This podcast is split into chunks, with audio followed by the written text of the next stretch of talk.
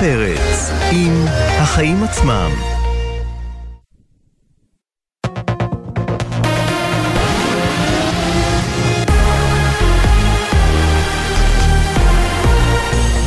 גלי צה"ל השעה 6, שלום רב באולפן מרים בלוך עם מה שקורה עכשיו. ראש הממשלה בנימין נתניהו אמר בסיור והערכת מצב בפיקוד צפון, האויב העיקרי שאנחנו ניצבים מולו הוא משטר הטרור באיראן וגרורותיו בסוריה ובלבנון. אנחנו נחושים uh, להיאבק בניסיונות של איראן לפתח ארסנל גרעיני, להיאבק בכל uh, ניסיון של איראן להתבסס מולנו בגבולנו הצפוני בסוריה, להיאבק בכל ניסיון של חיזבאללה לגלות תוקפנות נגדנו מלבנון. Uh, מי שצריך לקבל תזכורת לקווים האדומים שלנו, יקבל אותה. מדברי ראש הממשלה הביאו כתבינו יניר קוזין והדר גיציס. האם מחירי החשמל בדרך להוזלה? פורסם הצו להפחתת מס הבלו על הפחם. עם הפרטים, כתבתנו עינב קרנר. שר האוצר סמוטריץ' פרסם היום להערות הציבור את טיוטת הצו להפחתת מס הבלו על פחם, כדי למתן את עליית מחירי החשמל לחמישה אחוזים במקום שמונה. הפחתת הבלו תהיה בתוקף עד סוף השנה, והיא מוערכת באובדן הכנסות למדינה ביותר מ-400 מיליון שקלים. שר התרבות והספורט מיקי זוהר גינה את הפגיעה במפגינים נגד הממשלה היום בבאר שבע בריאיון לירון וילנסקי ביומן הערב של גלי צה"ל, אך טען, גם האופוזיציה אחראית להתחממות האווירה הציבורית. אני כאן כדי לקרוא לכולם, גם uh, למפגינים וגם לאלו שמתנגדים להפגנות, לשמור על החוק ולא להיגרר למעשים אלימים. לצערי אנחנו שומעים uh, גורמים uh, מהאופוזיציה uh, הנכנסת שקוראים לכל מיני מעשים קיצוניים, שאפילו על גבול ההסתה, חושבים שצריך להבהיר את הרחובות והם צריכים לדעת שלמילים שלהם יש משמעות. חבר... חברת הכנסת מירב בן ארי אמרה בתגובה לדברי זוהר כי הדורס הגיע במטרה לפגוע במפגינים, ואילו הקואליציה החדשה דורסת את בית המשפט העליון. עלה עם הרכב מתוך מטרה לפגוע, אבל זה לא רק זה, אנחנו אומרים שאם לא ידעו באמת לשים לב שלא דורסים כאן את המיעוט, ואם ימשיכו לדרוס אותם, אז כן, זה יכול לקרות. אבל בינתיים, גם לאורך כל הקמפיין, מי שבעיקר סבל מאלימות זה הצד שלנו. אישה בת 50 נפצעה באורח קשה לאחר שנפגעה מרכב ביישוב שוהם. חובשים ופרמדיקים של מגן דוד אדום פינו אותה לבית החולים בלינסון בפתח תקווה, כשהיא סובלת מחבלה רב-מערכתית. עשרות שליחי וולט מפגינים בשעה זו בכמה מוקדים במרכז ירושלים במחאה על שינוי בתנאי העסקתם שבוצע אתמול, לפיו יתוגמלו לפי מרחק תחבורתי ומאמץ, בשונה מהתגמול שקיבלו עד כה, שהתבסס על מרחק אווירי. כתבתנו באבירה נועה ברנס דיברה עם שליח ממובילי המחאה. הם לקחו שיטת משלוחים שחתמו איתנו בחוזה, ובאו במכה אחת ושינו אותה. משלוח שפעם היית מקבל עליו 40 שקל, היום אתה מקבל עליו 25 שקל, 27 שקל במקרה הטוב. זה פשוט פגיעה בתנאים של עובדים, בתנאים של אנשים. אנחנו לא נביא משלוחים בירושלים עד שוולט לא יחזירו את השכר כמו שהיה ויעלו אותו, כי יוקר המחיה עולה, אבל השכר של הוולטרים מסתבר הוא רק יורד. מוולט נמסר בתגובה כי הכנסות השליחים לא תיפגענה במודל החדש. ומזג האוויר הלילה בהיר עד מעונן חלקית, בעמקי הצפון צפויים ערפילים, ומחר עלייה קלה נוספת בטמפרטורות. אלה החדשות שעורך ערן קורץ.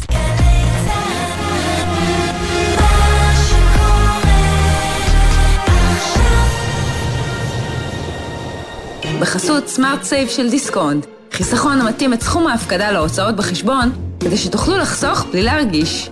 כפוף לתנאי הבנק כמפורט באתר. בחסות הפניקס סמארט, המעניקה עד 45% הנחה בביטוח המקיף. כוכבית 5432, או חפשו הפניקס סמארט בגוגל. כפוף לתקנון המבצע, הפניקס חברה לביטוח בע"מ. עכשיו בגלי צה"ל, ישראל פישר וסמי פרץ עם החיים עצמם.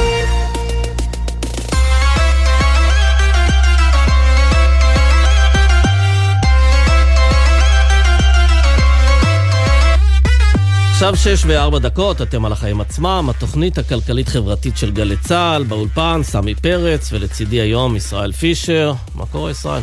אצלי הכל טוב מאוד, אני מאושר, מ... אני, אני אגדיר את זה יום היסטורי. אני לא מגזים. היסטורי. כן, לא מגזים, וזה לא קשור לפוליטיקה ומה שקורה. אחרי כזה בילדאפ אתה חייב לתת פה פצצה של סיפור. הפרטת נמל חיפה. רוב המאזינים אומרים, מה אתה רוצה ממני? מה נמל חיפה הפרטה? או כל זה.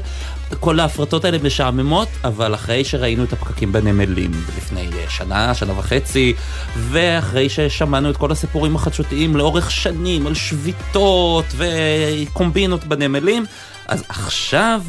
יש חברה פרטית שהיא אה, גדות אה, שזה אה, שותף בה המיליארדר ההודי. טייקון הודי. טייקון הודי. ועכשיו רק נשאר להפריט את נמל אשדוד. זה צעד שמנסים לקדם שנים, אבל הוא באמת יכול להשפיע על המחירים שכולנו משלמים, או על התירוצים של היבואנים לישראל, לפחות לתת להם כן. תירוץ אחד פחות. תשמע, זה קורה באיחור אופנתי של 20 שנה, אבל מוטב מאוחר מאשר לעולם לא. ובאמת השאלה החשובה, כיצד זה ישפיע עלינו, אנחנו נדבר על זה עם היושב ראש כנראה היוצא של נמל חיפה, אשל הרמוני. נברר האם זה יקל על יוקר המחיה, הרי תמיד מאשימים את הנמלים, את העבודה האיטית שם, בזה שהיא זו שאשמה ביוקר המחיה. אנחנו גם נגיע למשבר ההייטק בהמשך, עם שני דוחות שמתפרסמים היום ונותנים תמונת מצב על עומק המשבר, וגם מגלים מי הענף בתוך ההייטק הישראלי שחטף הכי הרבה. תשובות מעניינות בהמשך. נדבר גם על הצעדים של אה, שרת התחבורה, מירי רגב, לצמצם את האכיפה בנתיב התחבורה הציבורית בכביש החוף.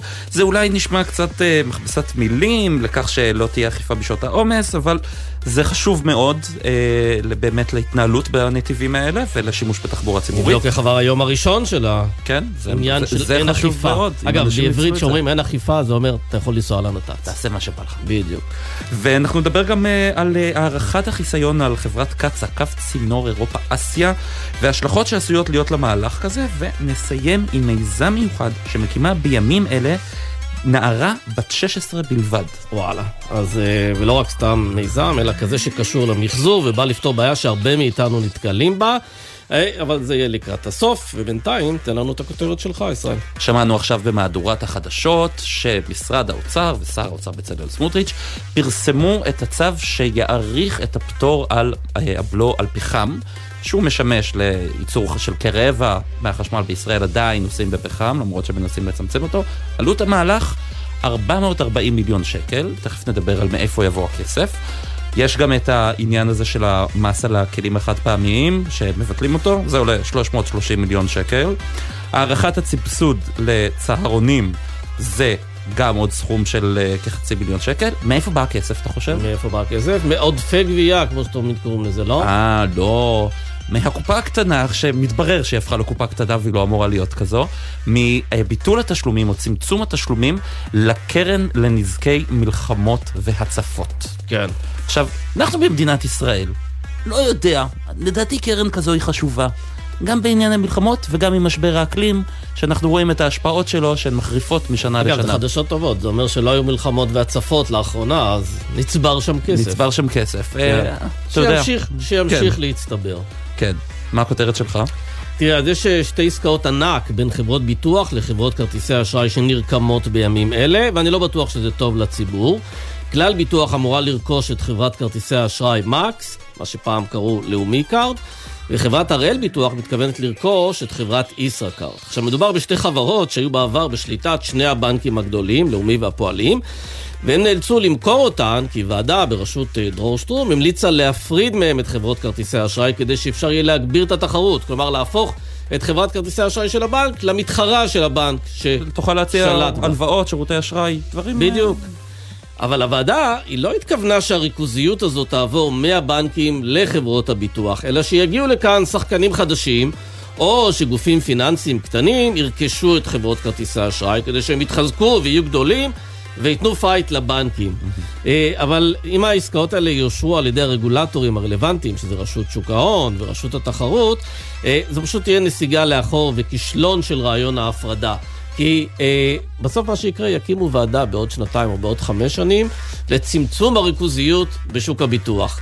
מתי נולדה הריכוזיות הזו? בימים אלה. בגלל הוועדה לצמצום הריכוזיות בבנקאות. בדיוק. אז אה, בסדר, מוועדה לוועדה אנחנו אה, נתקדם, ונראה לי שכדאי להתחיל. יאללה, נתחיל. נתחיל.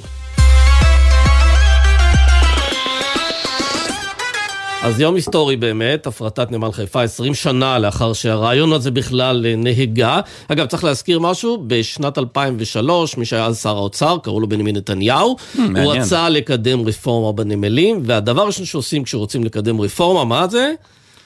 מרגיעים את העובדים? משחדים את העובדים. אה, משחדים את העובדים. בדיוק, אז אמרו להם, תשמעו, קודם כל תיקחו 30-40 אלף שקל כל עובד, כדי שתסכימו לרפורמה, שתסכימו בכלל לדבר איתנו על רפורמה.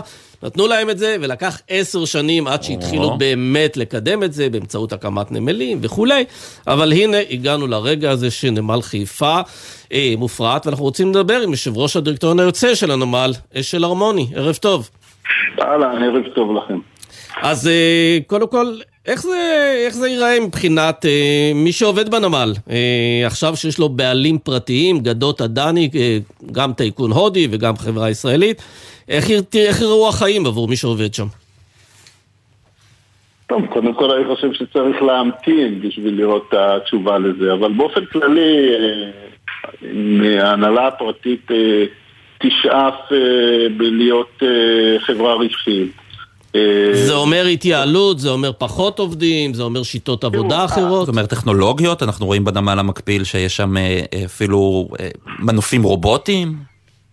קודם כל אה, צריך לבוא ולהגיד שאנחנו בעצם התחלנו את התהליך של אה, אה, הסעת הרווח של הנמל אה, בשנים האחרונות, אחרת לא היינו מגיעים למצב שהם יכולים את הנמל במיליארד דולר. אז הרבה מאוד תהליכי התייעלות כבר נעשו לפני, כולל פרישה של עובדים, כולל אה, עוד הרבה מאוד דברים אחרים, שכולם אה, נעשו, נחתמו, והנמל נמכר ביחד עם ההתייעלות הזו.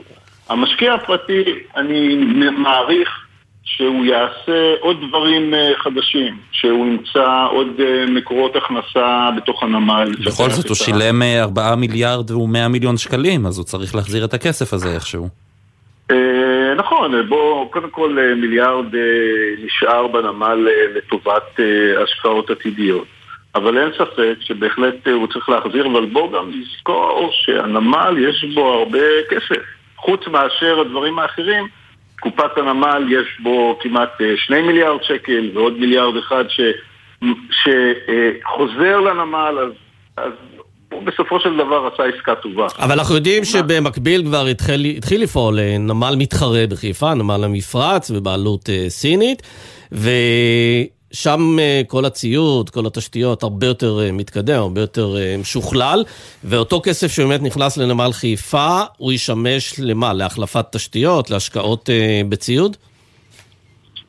הוא, הוא אה, ישמש אה, גם, אה, גם לתשתיות, גם לציוד, הוא יכול לשמש לעוד דברים אחרים שהם על פי ההסכם עם המדינה, הם יראו שהנמל הופך להיות יותר יעיל, זאת אומרת גם נגיד לצורך העניין לפרישת עובדים. אבל צריך לזכור שנמל חיפה, נכון, יש מתחרה סיני, יש מתחרה הולנדי, נכון, הציוד שם הוא ציוד יותר חדש. נמל חיפה יש לו את היתרונות שלו. יש מתחרה אשדודי גם צריך להגיד.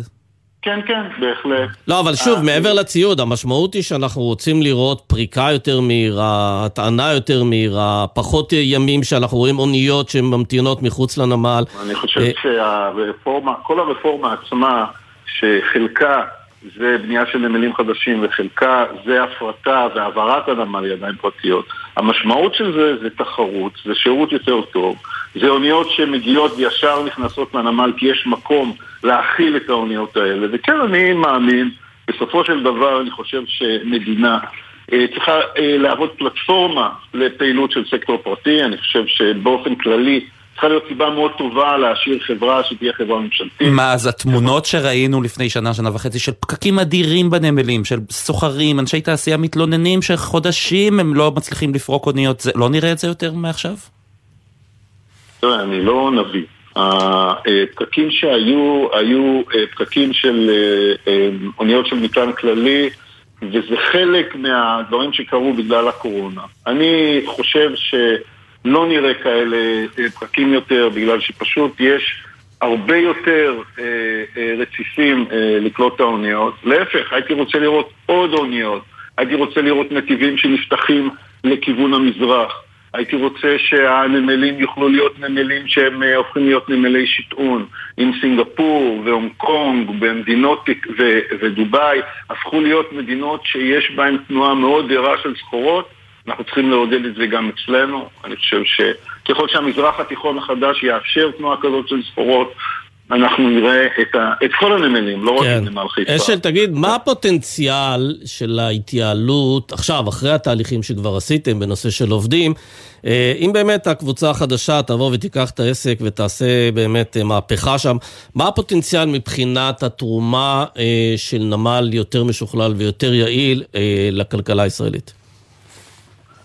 תראה, קודם כל, כל דבר שחברה פרטית עושה, הוא צריך, אה, הוא צריך אה, לעמוד במבחן הרווחיות. למשל, דיברת על אה, הפיכת כל הנמל לנמל שעובד באופן אוטומטי. זו הוצאה מאוד מאוד גדולה, וצריך לבחון את, ה, את הכדאיות שלה, אם העובדים שנמצאים יכולים לעבוד יותר מהר מהמכונות. ואנחנו יודעים שהעובדים עובדים יותר מהר מהמכונות. אז יכול להיות שצריך לעשות רק uh, תהליך הדרגתי של uh, שיפור הציוד. דרך אגב, אבל המכונות לא צריכות הפסקות צהריים. Um, נכון, המכונות לא צריכות הפסקות צהריים, ואנשים uh, צריכים, אבל מכונות מתקלקלות, ואנשים, uh, נגיד, נגיד, תיאורטית, לא מתקלקלים. וזאת תחרות שהיא תהיה במידה מסוימת בין נמל שהוא סמי-אוטומטי, שזה הנמל נמל המפרץ, לבין אה, נמל שהוא בעיקרון אה, מבוסס כרגע על כוח אדם. ואני מניח שהתהליך של הפיכת הנמל לנמל יותר ויותר אוטומטי יהיה תהליך הדרגתי, לאט לאט עובדים יעזבו, מכונות יחליפו אותם, זה לא דבר שיקרה בבת אחת. כן, אנחנו מדברים על זה כעל תהליך חיובי, אבל אנחנו יודעים גם מהפרטות שנעשו בעבר, שהרבה פעמים מגיע, מגיעים משקיעים. אה, לוקחים הלוואות מאוד מאוד גדולות, מאוד לחוצים להחזיר אותם, ואז הדבר האחרון שעובר להם בראש זה בוא נוריד תעריפים ונוריד מחירים. אלא הרבה פעמים דווקא המוטיבציה היא להעלות מחירים. אה, מי לידינו יתקע שאנחנו נראה פה תחרות גם על מחירים? זה מהות התחרות. אם יעלו את המחירים, לא יהיה להם לקוחות. אם uh, יש עוד... כן, אבל גם הנמל השני צריך להחזיר את ההלוואות שלו. יש פה השקעות כבדות שנעשו. תראה, ככל שאתה נמצא בשוק יותר משוקלל, שיש לך חמישה נמלים שפועלים, ועכשיו גם נמל אילת אה, פועל אה, אה, לעשות דברים אחרים, אז יש סיכוי שלא יהיה לך תהליך של, במרכאות, כן, קרטליזציה. ולכן אתה יכול להגדיל את הסיכוי, וזה בעצם מה, ש, מה שעושה הכלכלה הישראלית, מה שעושה המדיניות, זה בעצם לייצר יותר לספר. יותר... אז בעצם תחרות אמיתית תהיה רק אחרי הפרטה של נמל אשדוד, שהוא הנמל הגדול המרכזי הנוסף. גם נמל המפרץ לא, וגם נמל הדרום הם קטנים יחסית. קודם כל הם לא קטנים בכלל, מה פתאום? הם לא עושים מטען כללי? הם לא, יכולת הקיבול, הקיבולת שלהם אה, קטנה יותר? מבחינת מכולות, יכולת הקיבולת שלהם תאפשר לכל אחד מהם לקחת אה, לפחות רבע מהשוק. זאת אומרת שזה שינוי משמעותי מאוד. של השוק, שיש אה, שלושה אה, נמלים שהם כולם בבעלות פרטית. יש פה שינוי דרמטי. אתם בנמל כבר הרגשתם את הלחץ מהתחרות של הנמלים הפרטיים החדשים? חד משמעית. חד משמעית. ירידה בביקוש אליכם, לטובת אה, שעבר לנמל המפרץ למשל? כן, בהחלט. וצריך להילחם על זה, ולכן החבר'ה החדשים שבאים, והם באים רעבים, והם דיברו גם היום במפגש שהיה בחתימה, שהם הולכים אה, לתת אה, פייט רציני לנמל הסיני. שהפייט הוא בעיקר בשירות או גם במחירים? הפייט הוא בכל. גם בשירות, גם במחירים וגם ב... בכל דבר שבזמני אה, אה, פריקה, בזמני המתנה. בהצעות של אה, דברים אה, לטווח הרחוק, בשירותי כן. ערך נוסף שאתה יכול לתת לסחורות שמגיעות. וזה מה שטוב בכלכלה שהיא יושבת על הכתפיים של חברות פרטיות. כן. אני מאוד מאמין בזה. לגבי אשדוד, נחיה ונראה. יש פה עוד, אה, עוד שאלות, אני יודע שזה באג'נדה של הממשלה. וצריך לזכור, מאוד חשוב, שלפני שאתה מפריט חברה, ולא חשוב אם זה אה, נמל או דואר או כל דבר אחר, קודם כל תגרום לזה שהנכס יהיה אטרקטיבי, שתוכל להחזיר למדינת ישראל כמה שיותר כסף. וזה בדיוק מה שאנחנו עשינו. כן, אשל הרמוני, יושב ראש הדירקטוריון היוצא של נמל חיפה, תודה רבה לך וברכות על היום ההיסטורי הזה. תודה חבר'ה, תודה. זהו, אבל בוא נעבור למי שמשתמש בנמלים, אה, אוריאל לי, נשיא איגוד לשכות המסחר, ערב טוב. שלום טוב לכם. אה, הרבה מאוד שנים אתם אה, מאשימים את, ה... את חוסר היעילות בנמלים כאחת הסיבות ליוקר המחיה.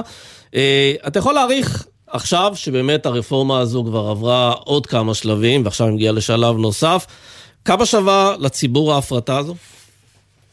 הרבה מאוד כסף.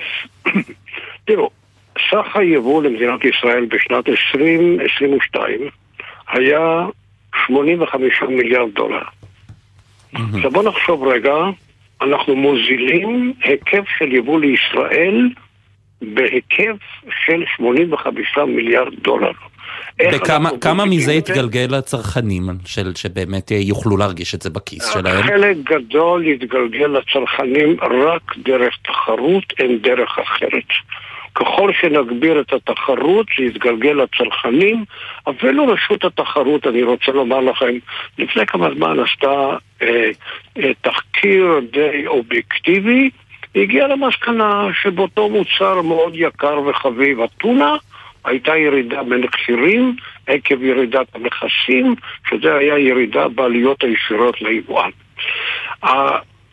המקום הזה שאנחנו קוראים לו נמלי הים של ישראל, זה אחד מהמוקדים החשובים ביותר בהוזלת יוקר המחיה. כן, אבל צריך לזכור שכשהתחלנו לדבר על העניין הזה, באמת לפני 20 שנה, אז היו באמת המון ימי שביתה, והנמלים באמת היו לא יעילים, ומאז עברו כמה שלבים, ומשהו השתפר, יש הרבה פחות שביתות כמובן.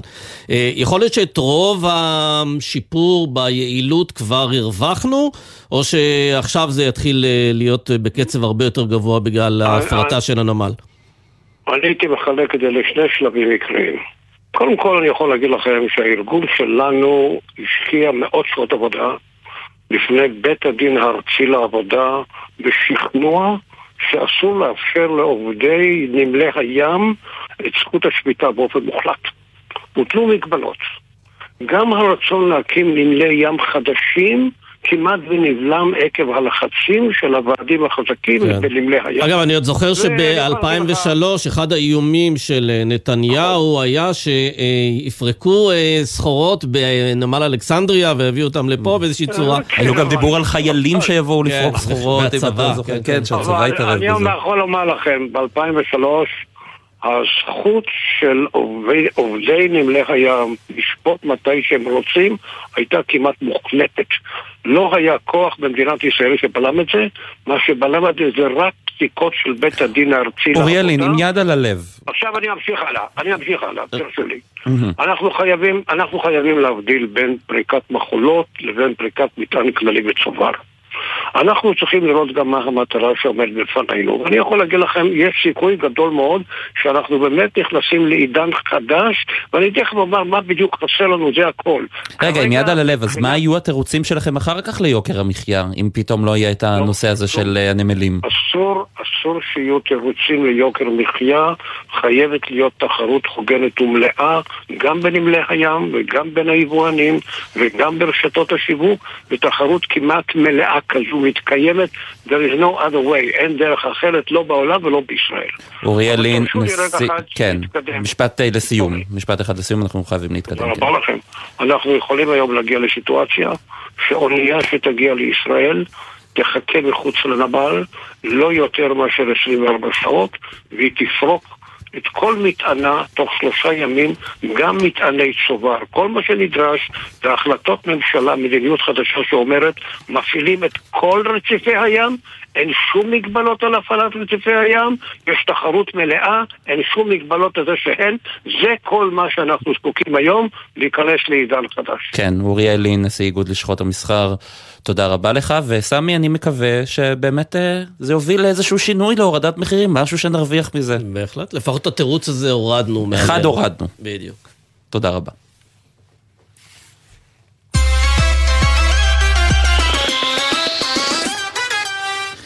היום אנחנו uh, גילינו ששני דוחות שהתפרסמו שמספרים על עומק המשבר לא, בענף ההייטק, לא יודע אם עומק המשבר או לפחות קצת uh, שחרור לחץ ואוויר מהבועה, אז נגיד ערב טוב לכתבתנו לענייני טכנולוגיה, עומר עזרן, שלום. שלום לשניכם, 2022 כבר הסתיימה, אבל עוד לא סיימנו עם uh, לסכם אותה. דוח הייטק של חברת המחקר IVC בשיתוף עם לאומיטק שפורסם היום, מסכם את השנה החולפת בטכנולוגיה ורושם כמה נתונים מפתיעים ולא מאוד מעודדים. ב-2022 גייסו סטארט-אפים ישראלים כמעט 15 מיליארד דולר. זהו הסכום השני הגבוה ביותר אי פעם אחרי שנת 2021. אז הושקע שיא של כמעט 26 מיליארד דולר בחברות טכנולוגיה פרטיות ישראליות. לשם השוואה, ב-2020 הושקעו 10 מיליארד דולר בתעשיית הסטארט-אפ בישראל. מהנתונים האלו נראה שהשנה החולפת הייתה דווקא מוצלחת בהייטק, אבל צר לנו לבשר שזה לא בדיוק המצב. הסכום המשמעותי זה שגויס שנה שעברה הושקע בעיקר במחצית הראשונה של השנה, בהמשך לקודמתה שהייתה מוצלחת, ובמחצית השנייה ראינו צניחה בקצב ההשקעות לשפל של כשלוש שנים. אפשר להאשים שלל גורמים, עליית הריבית, קריסה בשווקים העולמיים, העולמיים, עליית מחירי האנרגיה בגלל המלחמה באוקראינה ועוד.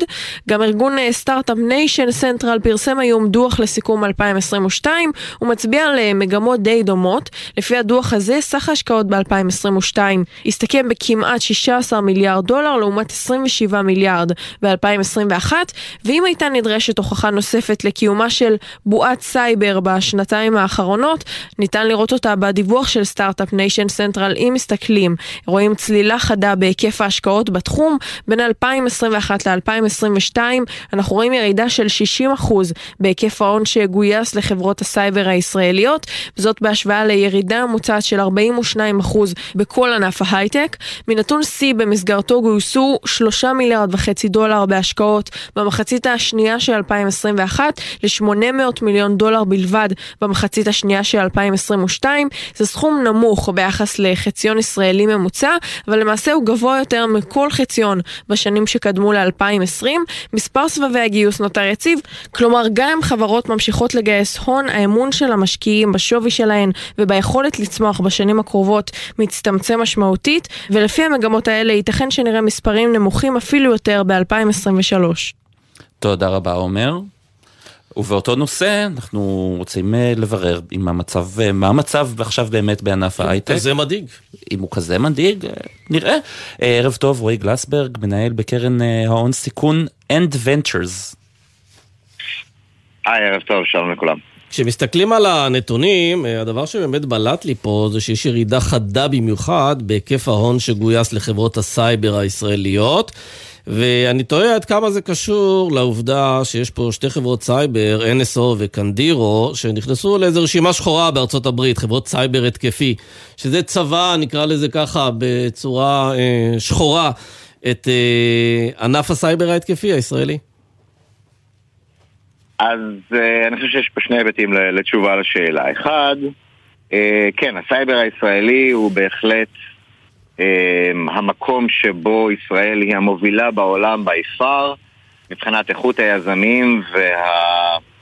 אמ, נקרא לזה האימון, הקרדיט, היכולות שלהם לבצע ולבנות פתרונות שהם חדשניים לשוק ולכן הסייבר הישראלי הפך להיות איזשהו אה, קיצון בכל התעשייה האדירה הזאת שהיא כל כך הרבה יותר מסייבר שנקראת אה, שוק הסטארט-אפים בישראל. אז השוק הראשון שנפגע הוא לעולם יהיה השוק אה, שהוא המנופח ביותר, אה, זה שהשקיעו בו הכי הרבה כסף, וזה שגם מצד שני אה, המון חברות הגיעו לבשלות נורא נורא מהירה על בסיס הייפ, שהסתבר למשקיעים בסוף שהוא לא uh, נצמח על ידי הכנסות נכונות uh, ועל ידי... Uh, הביצועים והגדילה שהם היו אבל אתה מדבר עכשיו כמו מנהל קרן הון סיכון, ושאלתי על התסבוכת הזו של סייבר התקפי, שהוא גם מוציא לא רק שם טוב, אתה יודע, ה Startup Nation מוציא באמת שם נפלא למדינת ישראל.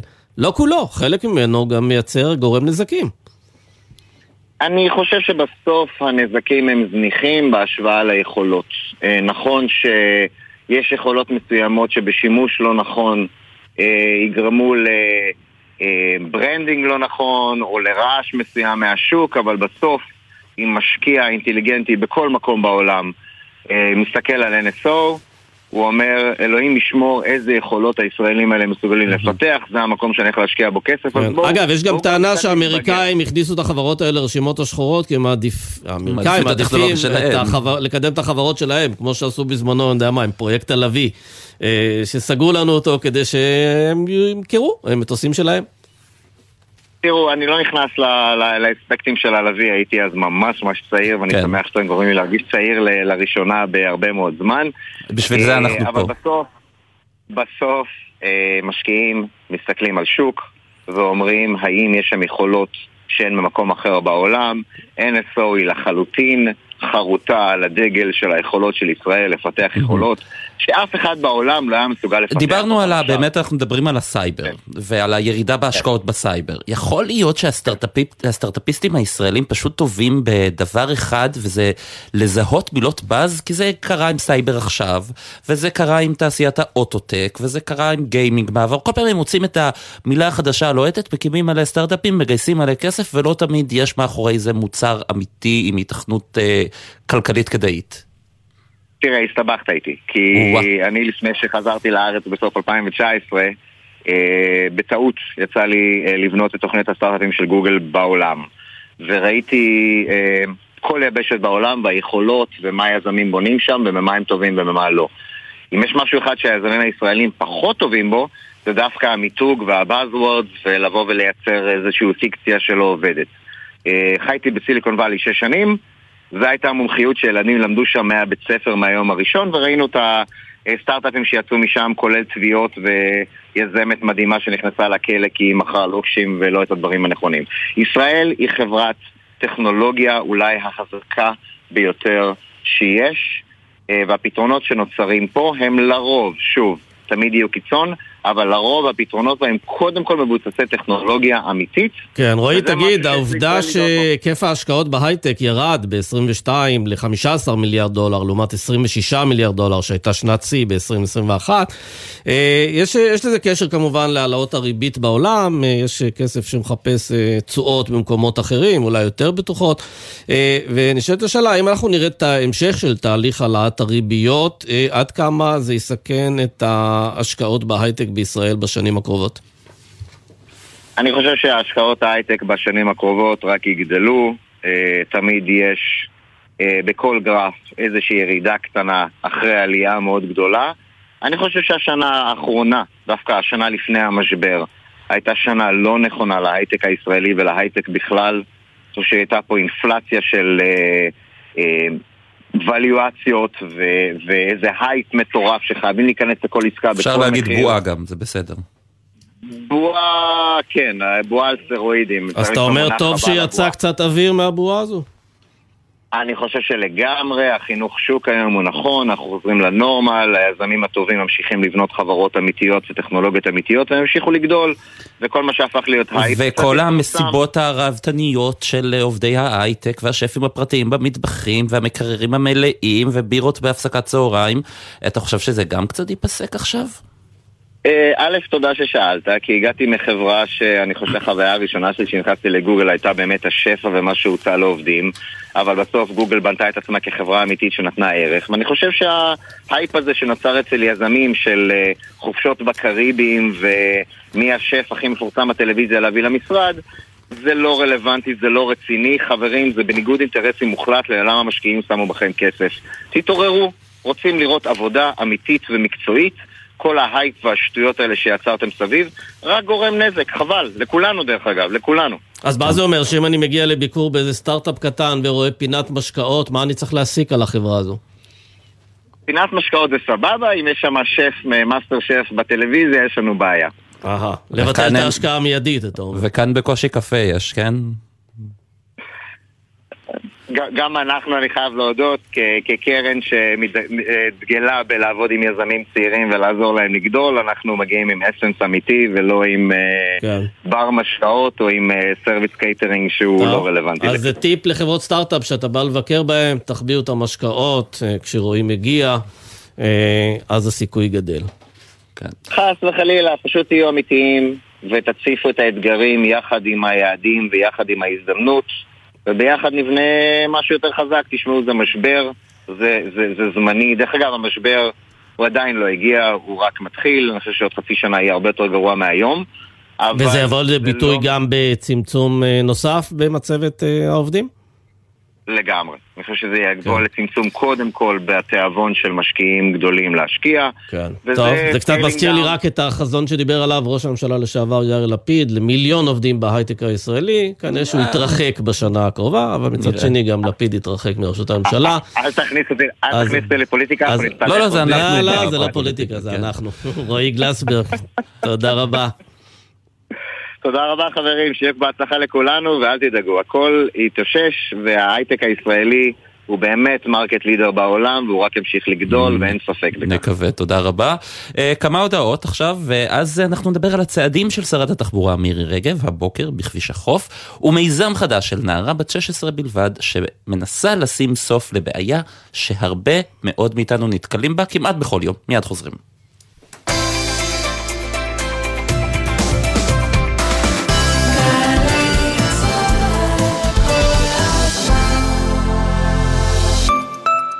מילואימניק, מילואימניקית, הביטוח הלאומי מודה לכם על שירותכם. חשוב שתדעו, אם שירתם במילואים בשנה שעברה ושכרכם עלה, ייתכן שאתם זכאים לתוספת לתגמול המילואים בהתאם לשכרכם מחדש. שימו לב, הביטוח הלאומי משלם את התוספת מ-1 בינואר 2022. לבדיקת זכאות ולהגשת בקשה, היכנסו לאתר. ביטוח לאומי לצדך, ברגעים החשובים של החיים. הורים לתלמידות ותלמידים מחוננים ומצטיינים בכיתות ח' וט', ילדיכם חולמים לחקור ולגלות את העתיד? עכשיו, יש להם הזדמנות להשתלב בעולם המרתק של האקדמיה. ללמוד ולחקור עם מיטב החוקרים והמדענים בתוכניות למחוננים ומצטיינים של משרד החינוך ומרכז מדעני העתיד של קרן מימונידיס. ההרשמה מסתיימת ב-15 בינואר. חפשו ברשת, מרכז מדעני העתיד. שלום, כאן איתי הרמן. זה שאני יודע את כל שמות נשיאי ארצות הברית, למשל, עזר לי לקבל לא מעט משרות.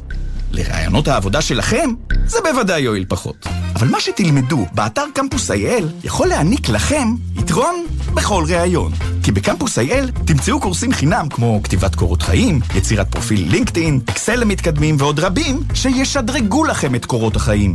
קמפוס אייל, בהובלת מערך הדיגיטל הלאומי והמועצה להשכלה גבוהה. דוד שלך אמר לך שהוא מצא השקעה מדהימה עם 8% תשואה. חברתך סיפרה לך שמצא השקעה בטוחה, הזדמנות שלא תחזור.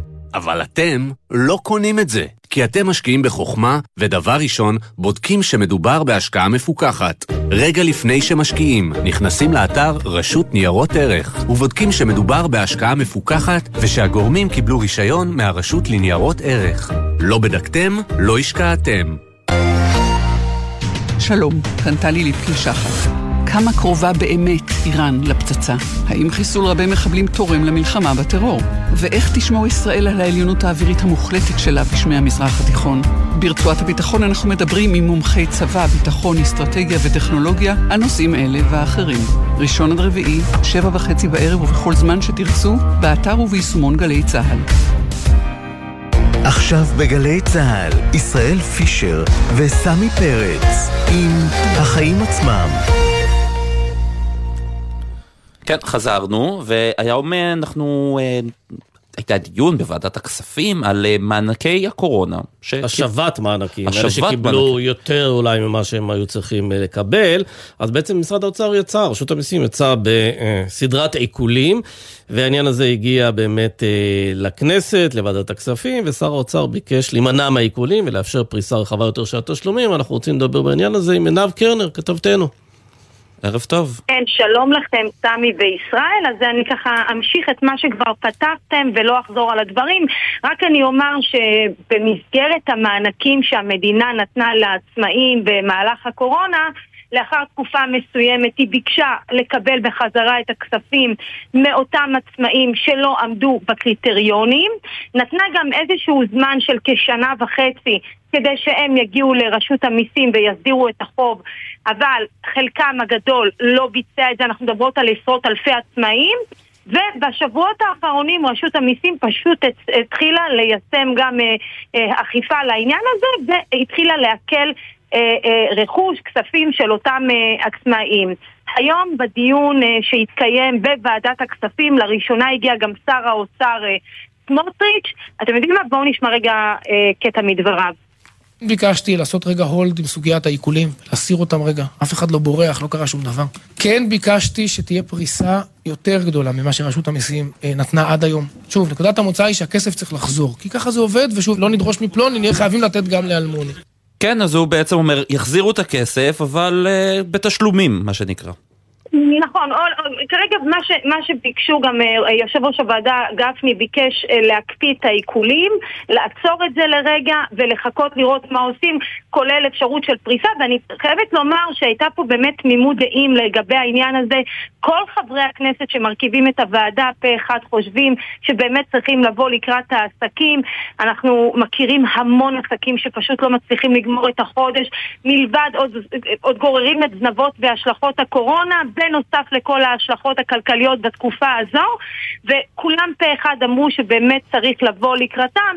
אבל רשות המיסים לראות... הציגה עמדה אחרת, יותר מסויגת. הם לא רוצים לעצור את העיקולים באופן נרחב.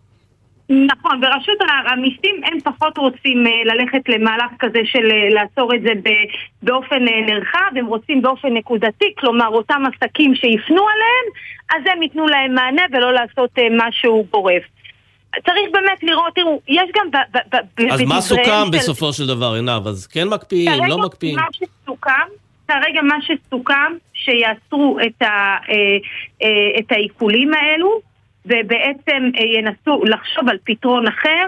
אני מניחה שיהיה עוד איזשהו דיון בעניין, כדי לבדוק לאן הולכים. אם זה שהמדינה תסייע, או שאולי חלק מהכספים לא יחזרו, אה, הכוונה היא כן לבוא לקראת אה, העצמאים. אה, אז עוד אין פתרון מוסדר, ועוד היום בכנסת, צריך להגיד מזל טוב, יש יושב ראש חדש לוועדת הכלכלה.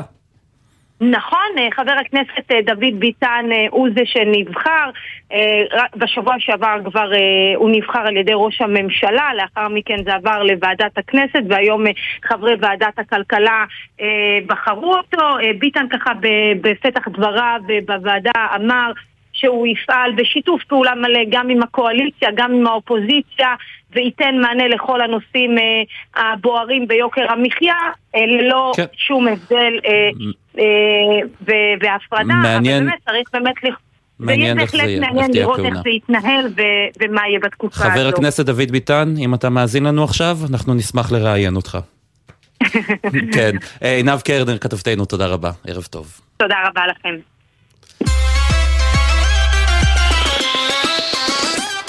אז זהו, אז היום יש את ענייני הנת"צים. יצא לך לנסוע כבר בנת"צ שבו אין אכיפה? אתה רוצה, אני רוצה קודם כל להגיד משהו. שרת התחבורה, מירי רגב, צודקת במאה אחוז. היום הגעתי לכאן, נסעתי באוטו הפרטי שלי. בנת"צ? לא, אבל הנת"צים היו ריקים. והמסקנה שלי הייתה, אידיוט שלא לקח את האוטובוס. אהה. מבין? אה, כן. טוב, אבל זה רק היום הראשון, לא יודע אם אפשר להסיק מסקנות כאלה גורפות ביום הראשון. Uh, העניין הוא שמי שבאמת uh, משלם את המחיר הזה של יותר נוסעים על הנת"צים, uh, זה נהגי האוטובוס שהתרגלו לזה שהנתיב הזה הוא רק שלהם. Uh, ואנחנו רוצים לדבר בעניין הזה עם uh, תמר אוחנה, ערב טוב. שלום ישראל וסמי. את אה, ראש משותף לענף התחבורה בארגון כוח לעובדים, אה, ואתם אה, מדברים על, ה, על ה, בעצם על המשמעות של העניין הזה לנהגי אוטובוס. נהגי אוטובוס נוסעים המון שעות על הכבישים, וזה באמת חלק, מה שנקרא, מתנאי השירות שלהם. כרגע נשאיר רגע את הנוסעים בצד, נדבר אולי עליהם בהמשך. איך הם מתמודדים עם העובדה שפתאום על הנתיבים שלהם מגיעים עוד הרבה מאוד כלי רכב? אז uh, זו שאלה מעולה, כי באמת הנהגי התחבורה הציבורית היום בישראל סובלים מתשתיות מאוד רעועות. צריך להגיד שגם נהגי הרכב הפרטי, אבל... אה, כולנו, כולנו באותה צרה, כן. בדיוק. רק שאצלנו זה לא מקצוע, ש... אבל אצלם זה בדיוק. מה, זה 10-12 שעות על הכביש. 12, בדיוק, 12 שעות בממוצע ביום, 250 אה, בממוצע בחודש, שזה המון שעות על הכביש. וואו. אז מעבר למחלות מקצוע שזה מייצר, בעיות גב ותחורים ועוד המון דברים לא עלינו, אה, בסופו של דבר זה גם פוגע בהפסקות שלהם, בעובדה שנהיגה כל היום בפקקים ובצפיפות ובלחץ נוראי מייצרת תנאי העסקה ותנאי עבודה מאוד מאוד קשים. ולראייה אנחנו באמת רואים שהמון נהגים פשוט עוזבים את המקצוע הזה, אה, ויש היום מחסור של כ-5,000 נהגים, שאנחנו מרגישים אותו כולנו בזה שאין, האוטובוסים לא מגיעים בזמן. ומה הסיבה למחסור הזה? אני רואה הרבה פעמים, אגב, כשאני נוסע מאחורי אוטובוס, שיש אה, מין אה, מודעות כאלה של דרושים, נהגי אוטובוס. מעולים, אלינו, עבודה כן. מצוינת, תנאים טובים. התנאים שם באמת טובים? אז התנאים לא כל כך טובים, אבל החברות מנסות אה, להתחיל להתחרות אחת בשנייה כדי שכן, בכל זאת הנהגים ששוקלים להגיע יגיעו דווקא אליהם. אה, והמחסור בנהגים נובע גם באמת מהתשתיות הגרועות, אבל הרבה קשור לתנאי העסקה מאוד מאוד אה, קשים, שכר נמוך, חוסר תגמול, שעות ארוכות מאוד על הכביש. אז, אז החלטה כמו שהייתה. כמו של מירי רגב בעצם שהיא סיכמה עם השר לביטחון לאומי איתמר בן גביר, שלא תהיה הפיכה בנתיב התחבורה הציבורית או נתיב התחבורה השיתופית גם בכביש החוף, איך דבר כזה משפיע על נהגי האוטובוסים בפועל?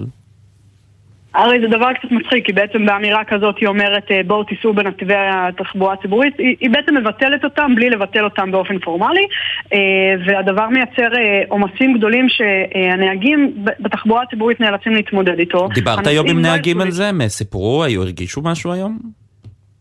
הם בעיקר, היום דיברתי עם הרבה נהגים שבעיקר מעלים חשש, זה, זה היום הראשון שבעצם אמרו שלא תהיה עקיפה משמעותית, אבל אה, הם כל הזמן מדברים על הסוגיה עצמה שהם אה, עומדים בפקקים ובעצם לא מספיקים להגיע להגדרות ולקו הבא. הם כן. פועלים לפי סידור עבודה ופשוט לא מספיקים להגיע לקו הבא, אז ברגע שאנחנו נשנה גם את הנתיבי תחבורה ציבורית, הנהגים גם בעצמם יעמדו בפקקים, לא יספיקו להפסקות שלהם, יעב- יעבדו שעות מטורפות על הכביש. אגב, למה הם אה, עובדים פשוט יעזבו את 12 המקצוע שעות ביום? למה? למה לא חסר שמונה, נהגים, תשע? אז מישהו צריך לעשות את זה, כי פשוט חסר נהגים, אז הסידורים שלהם מאוד ארוכים, הם לא יכולים לעבוד מעל 12 כי זה המקסימום שהם יכולים לעבוד אבל הם ביום. יכולים לעבוד פחות אם הם לא מתאים להם? כן, חלקם יכולים לעבוד פחות, הרבה מהם לא יכולים, כי זה הסידורים שנותנים להם, ואחת הבעיות היא שבעצם השכר הוא, הוא מאוד נמוך, אז כדי ל, ל, בסוף, בסוף החודש להגיע עם משכורת סבירה הביתה, הם כן רוצים לעבוד את ה-12 שעות, להגיע לקצת שעות נוספות, וכן לצאת עם איזושהי משכורת סבירה. אגב, ידוע לך אם אה, בעקבות ההנחיה של אה, שרת התחבורה, יש להם איזה כוונה להתאגד, להתארגן, לעשות איזשהו מהלך, איזושהי סנקציה, על זה שאנחנו נדחפים להם לנת"צים עם המכוניות הפרטיות שלנו? אז הנהגים הם קודם כל מאוגדים, אה, רוב הנהגים היום בישראל מאוגדים באמת בכוח לעובדים וכחלק מהאיגוד של הנהגים ביחד אנחנו מקבלים אה, החלטות על ידי האיגוד, הנהגים עצמם מקבלים את ההחלטות ואנחנו באמת שוקלים את הצעדים הבאים שכבר בשנה הקרובה אנחנו בהחלט נצא מה, למאבק על חסימות תנאי כבישים אנחנו שלהם. נראה פה?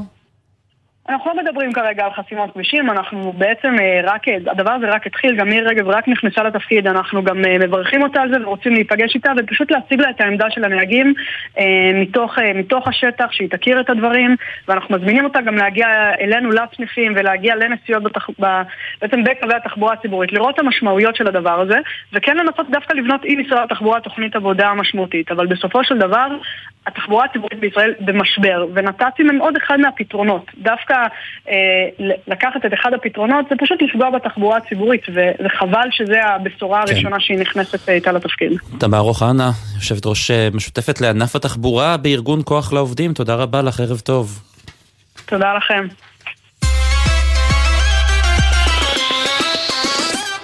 מי יודע מה זה קצה? אני, אבל זאת לא חוכמה. טוב, אתה יודע. השאלה אם אתה יודע מה ההבדל בין קצא"א ישנה לקצא"א החדשה. בטח שאני יודע. פעם הייתה חברה בשם קצא"א, שזה קו צינור נפט אילת אשקלון, שהוקמה על ידי ישראל. ואיראן, בימים שישראל ואיראן היו חברות.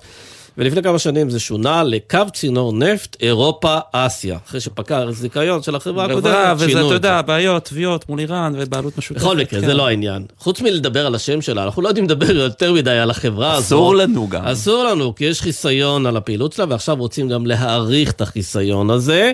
אה, חלק ממנו קשור פשוט גם לסיפור הזה עם איראן, הסכסוך הכלכלי שיש לישראל כן. עם איראן, אה, אבל מי שממש מתקומם על העניין הזה, אה, זה ארגוני סביבה, למשל החברה להגנת הטבע, ואנחנו רוצים לדבר עם עורך דין אסף בן לוי, שלום.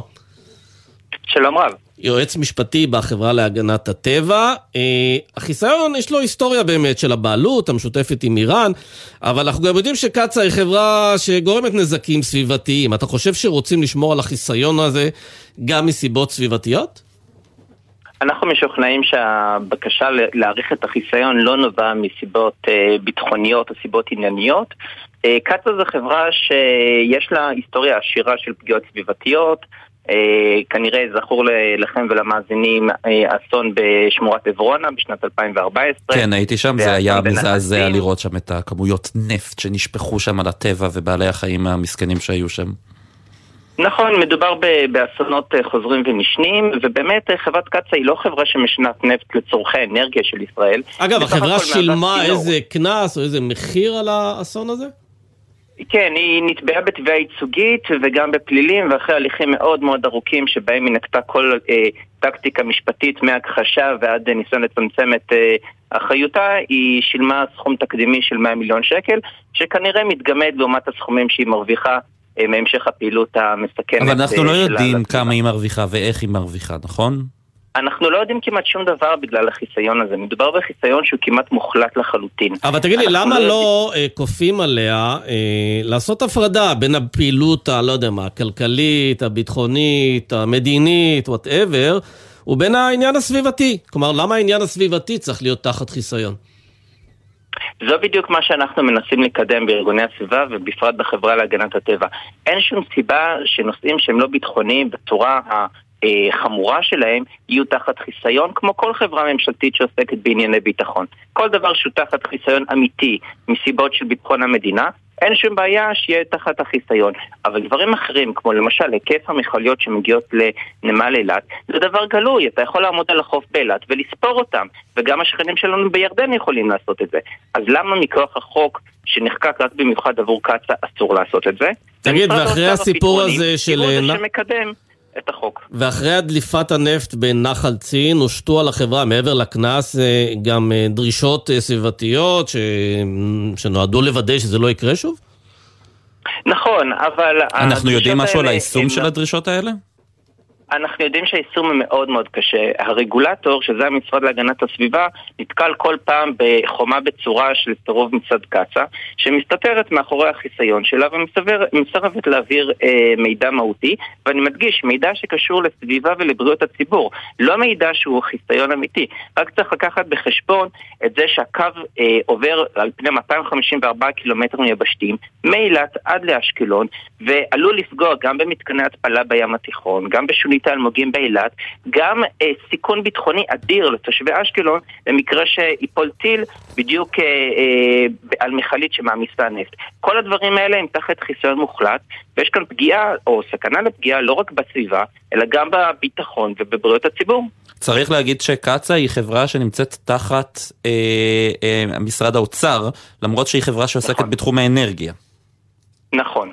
היא נמצאת באופן מוחלט תחת משרד האוצר. משרד האוצר הוא גם זה שמבקש להאריך את החיסיון כעת, אה, ולמעשה היא לא נשלטת ולא מפוקחת לא על ידי רשות החברות הממשלתיות, למרות שהיא חברה ממשלתית, לא על ידי המשרד להגנת הסביבה, כמו שאמרתי, וגם לא על ידי משרד האנרגיה. כן, עורך דין אה, אסף בן לוי, יועץ משפטי בחברה להגנת הטבע, תודה רבה, ערב טוב. תודה לכם, ערב טוב.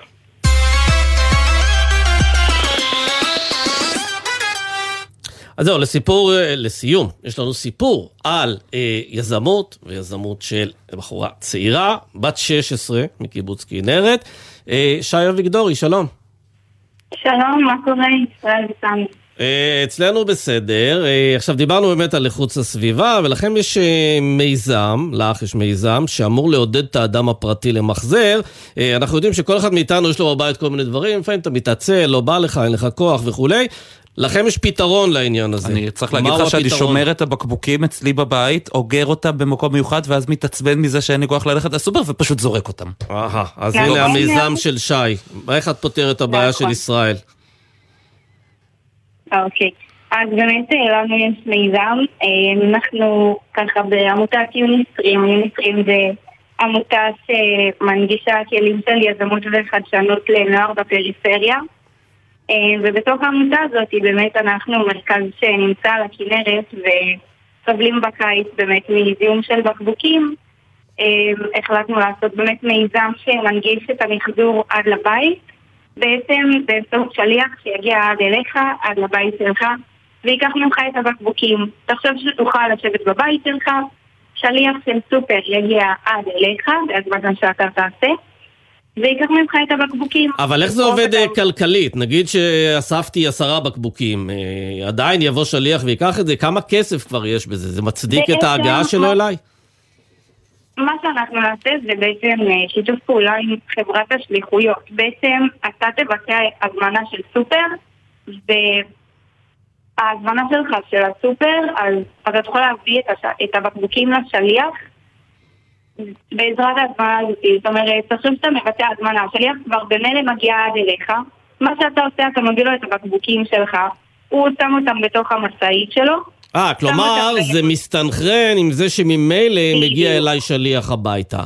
אבל אם אני לא הזמנתי שליח הביתה, אז אני תקוע עם הבקבוקים שלי, אני צריך לפתור את זה בעצמי. נכון, אנחנו בעצם חושבים על איזשהו מודל שאנשים בבניין שלך יוכלו גם להצטרף להזמנה הזאת ולהביא לשליח את הבקבוקים. אמ, כרגע אנחנו בדיוק עובדים על המודל הכלכלי של איך זה יעבוד. איך, איך, אה, מאיפה הגיע הרעיון, הניסיון להילחם בעצם? מאנשים? כמוך, שאוספים ואוספים, ו... ובסוף זורקים, ובסוף ו- זורקים. כן, עצלנים. אז באמת אה, אנחנו חיים על הכנרת, אנחנו חיים בעמק הירדן, ואת רוב הזמן שלנו אנחנו מעבירים בכנרת, ובקיץ להיות בכנרת עם כמות הפלסטיק זה פחות או יותר בלתי נסבל.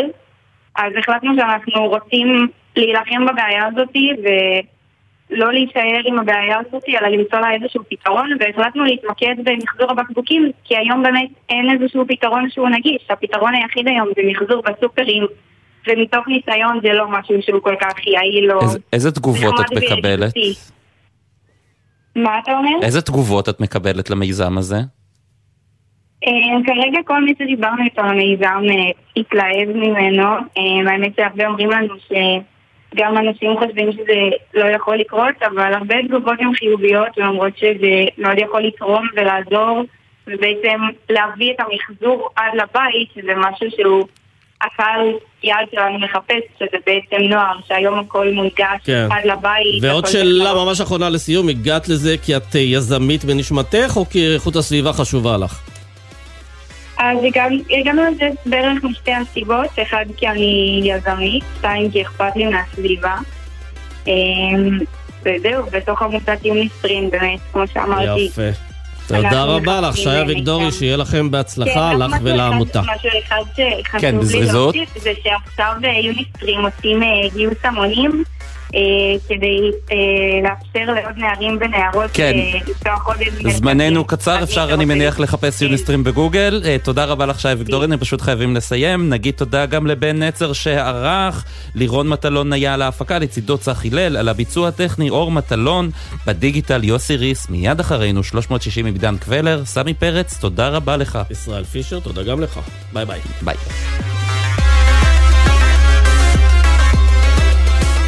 בחסות אייס, המציעה מגוון מוצרי חימום לבית מבית אלקטרו חנן. קונים ב-300 שקלים ומשלמים 250. באתר ובסניפי אייס, כי בית חם מתחיל מחימום. בחסות הפניקס סמארט, המעניקה עד 45% הנחה בביטוח המקיף. כוכבית 5432, או חפשו הפניקס סמארט בגוגל. כפוף לתקנון המבצע, הפניקס חברה לביטוח בע"מ.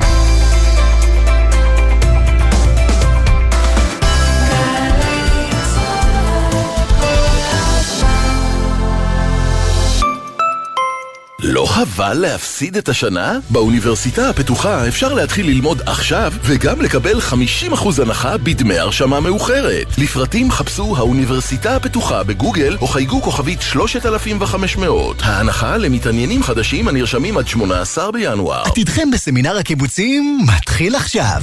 אתם מוזמנים ליום הפתוח לתואר ראשון, יום ג' 24 בינואר בשעה 3. לפרטים התקשרו, כוכבית 8085. סמינר הקיבוצים, מכללה מובילה לחינוך ולאומנויות.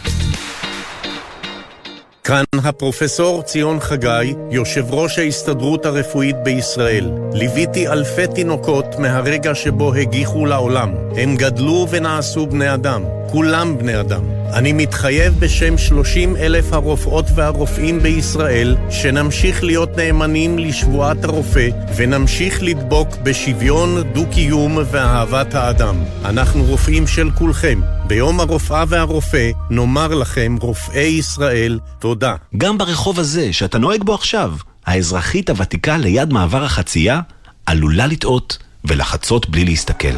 עשרה כמה שפחות זה פי שניים סיכוי לחיות. בייחוד בתוך העיר, סור לאט יותר. לא מתים מזה, כי כולנו יחד מחויבים לאנשים שבדרך. לפרטים נוספים חפשו אסק רלב"ד.